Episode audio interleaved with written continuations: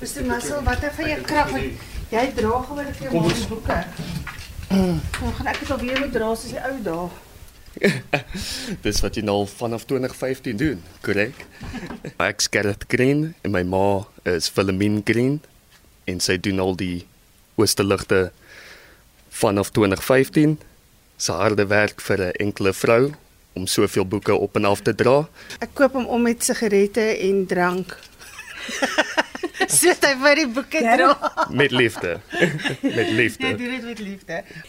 Maar as ons nou hier kyk, ehm um, Gareth, dan sit redelik, ek dink nie jy gaan gimnasium toe nie. Ek dink hierdie boeke optel en aftel, maar dit is verskriklik. Dit is koerantgrootte boeke. Ja. Ja. 'n voorblad grootte. Eintlik vreeslik versigtig hanteer want hierdie hierdie blaaie is bros, bros, bros, bros. Maar as jy hanteer, moet jy versigtig hanteer. Hierdie goed is glad nie geskei nie. Dis die enigste kopie wat ons het.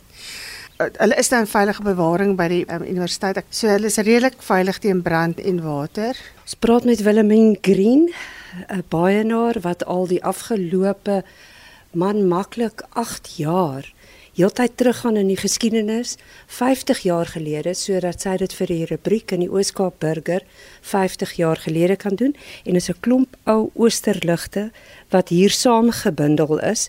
En as ons nou terugkyk dan eh, dis nou 2023 dan kyk ons na 1973 Ja, ek het gewoonlik na die biblioteek toe gegaan, dan het ek die die koerante afgeneem wat 'n verskriklike taakie was en dan moet jy terugkom en spandeer ure daar. Maar toe die oproer was, toe die studente betogings was en daarna die pandemie, toe het ek toestemming gekry. Nou bring ons 'n jaar se boeke huis toe. So 6 maande tot 'n jaar, dit hang nou maar af. Die afgelope 3 jaar al, nê? Ehm um, bring ons 6 6 maande se boeke huis toe want in een bundel is 'n hele maand gebind. Maar kom ons moet nou ry. Dit raak laat dat ek dat ons inklim. Dankie. Willemien Green se man is Michael Green, die man wat brombeer. die brombeer wat al die reigerboeke skryf. Maar ons gaan later met hom gesels. Ons moet nou eers die boeke gaan ingee. Kom maar julle. Ons is nou op pad na die universiteit. toe. Ons ry nou hier verby die die Port Elizabeth hawe. Kyk daai passasiersskip. Dit lyk soos twee. Dit is twee, dit is wonderlik. Ek is nou by die universiteit om my boeke te kom aflaai. Ons ek moes toestemming daarvoor kry en 'n studentekaart om by die biblioteek in te kom.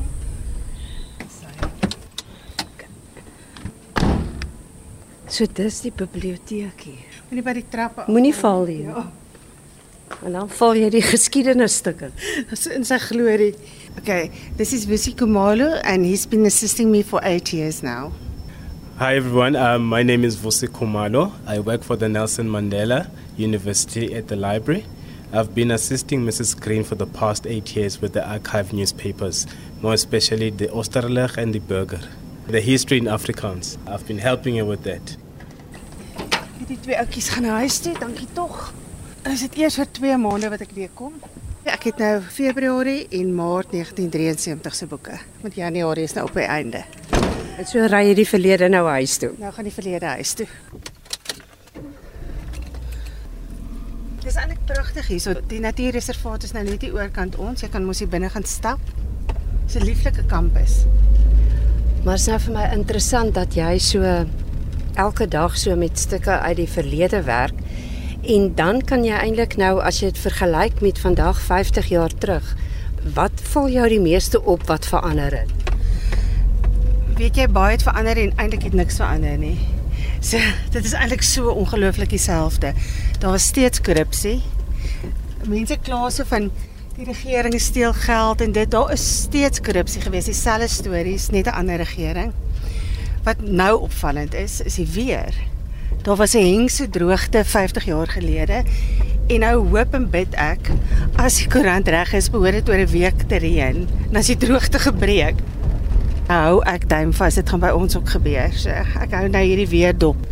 Willemien Green doen al die afgelope 8 jaar um, kom sy elke keer hier na die universiteit se uh, Nelson Mandela Universiteit se argiewe dan kry sy die koerantbundels van die Oosterlig 50 jaar gelede en ons ry nou terug huis toe van die universiteit af met Februarie 1973 se boeke in die bak. Ja, Februarie en Maart 1973. Maar ehm um, die ongeluk van hierdie boeke is dis wonderlik om dit huis toe te kan vat. Ek is bly ek kan want om daar te werk en hulle af te neem. Ek neem ook nie meer met die kamera af nie want die flash dink ek is ook nie goed. Ek is bang vir enige lig wat jy op die blaaie sit. Hulle is regtig bros en vergeel. So vir my is dit baie beter om 'n bundel huis toe te vat en al die fotos klaar te neem vir die maand en dan hoef ek nie weer aan daai papier te raak nie. Ek skryf ek nie uit die bundel uit nie. Ek neem 'n foto van die berig en dan laai ek dit op my rekenaar af en dan werk ek op my rekenaar. So ek hanteer die bundel een keer en dis verby en dan kan ek hom weer kom ingee. Want ek dink hoe meer jy deur daai blaaie, daar gaan niks aan dit oor wees nie. Mens kan nie, mens kan dit nie so baie hanteer nie. So dit moet net goed bewaar word vir ewig want as hierdie boeke weg is, is die geskiedenis weg. Die geskiedenis gepraat, ons hoop die geskiedenis herhaal homself met vloede wat skrik vir niks na hierdie lang droogte. Maar watter ander brokkies nuus of advertensies het jou geraak?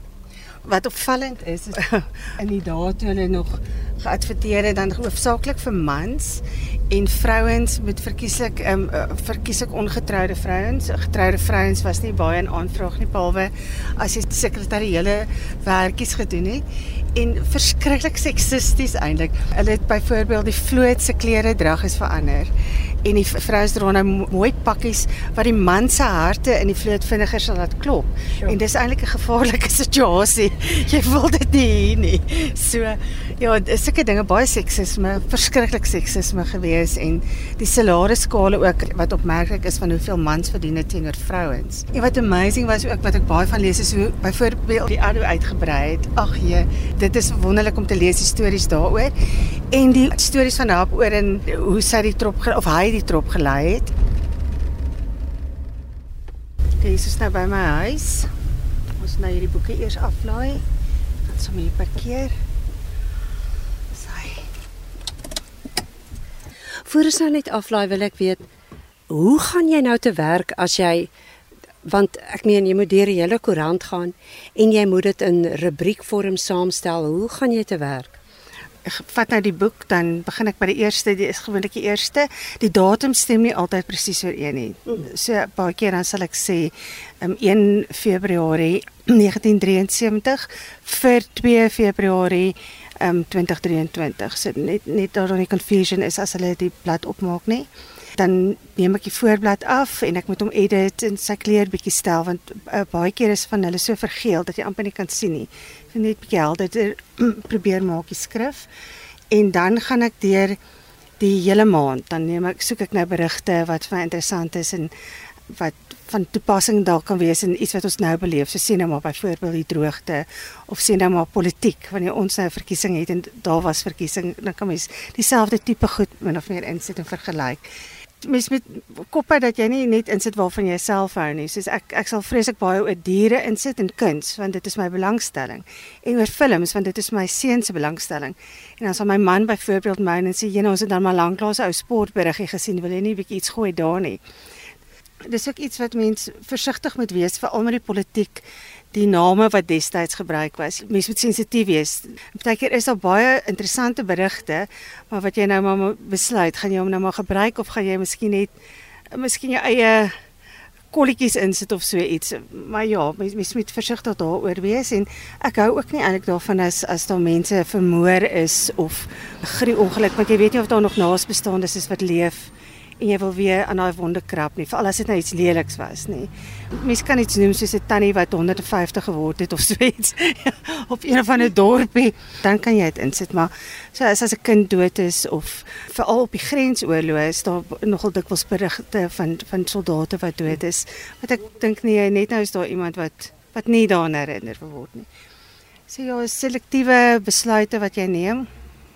Ehm um, die advertensies kan nogal kostelik wees, weet jy, so die tipe goed soos nylon kouse wat hulle geadverteer het daai tyd en ehm um, die modes is vir my vreeslik interessant. Dis lekker die modes wat hulle gebruik het van pragtige krimpelien pakkie wat jy nou kan dra en safari pak. Safari pakke, ja, safari pakke is ook nogal hoogmode.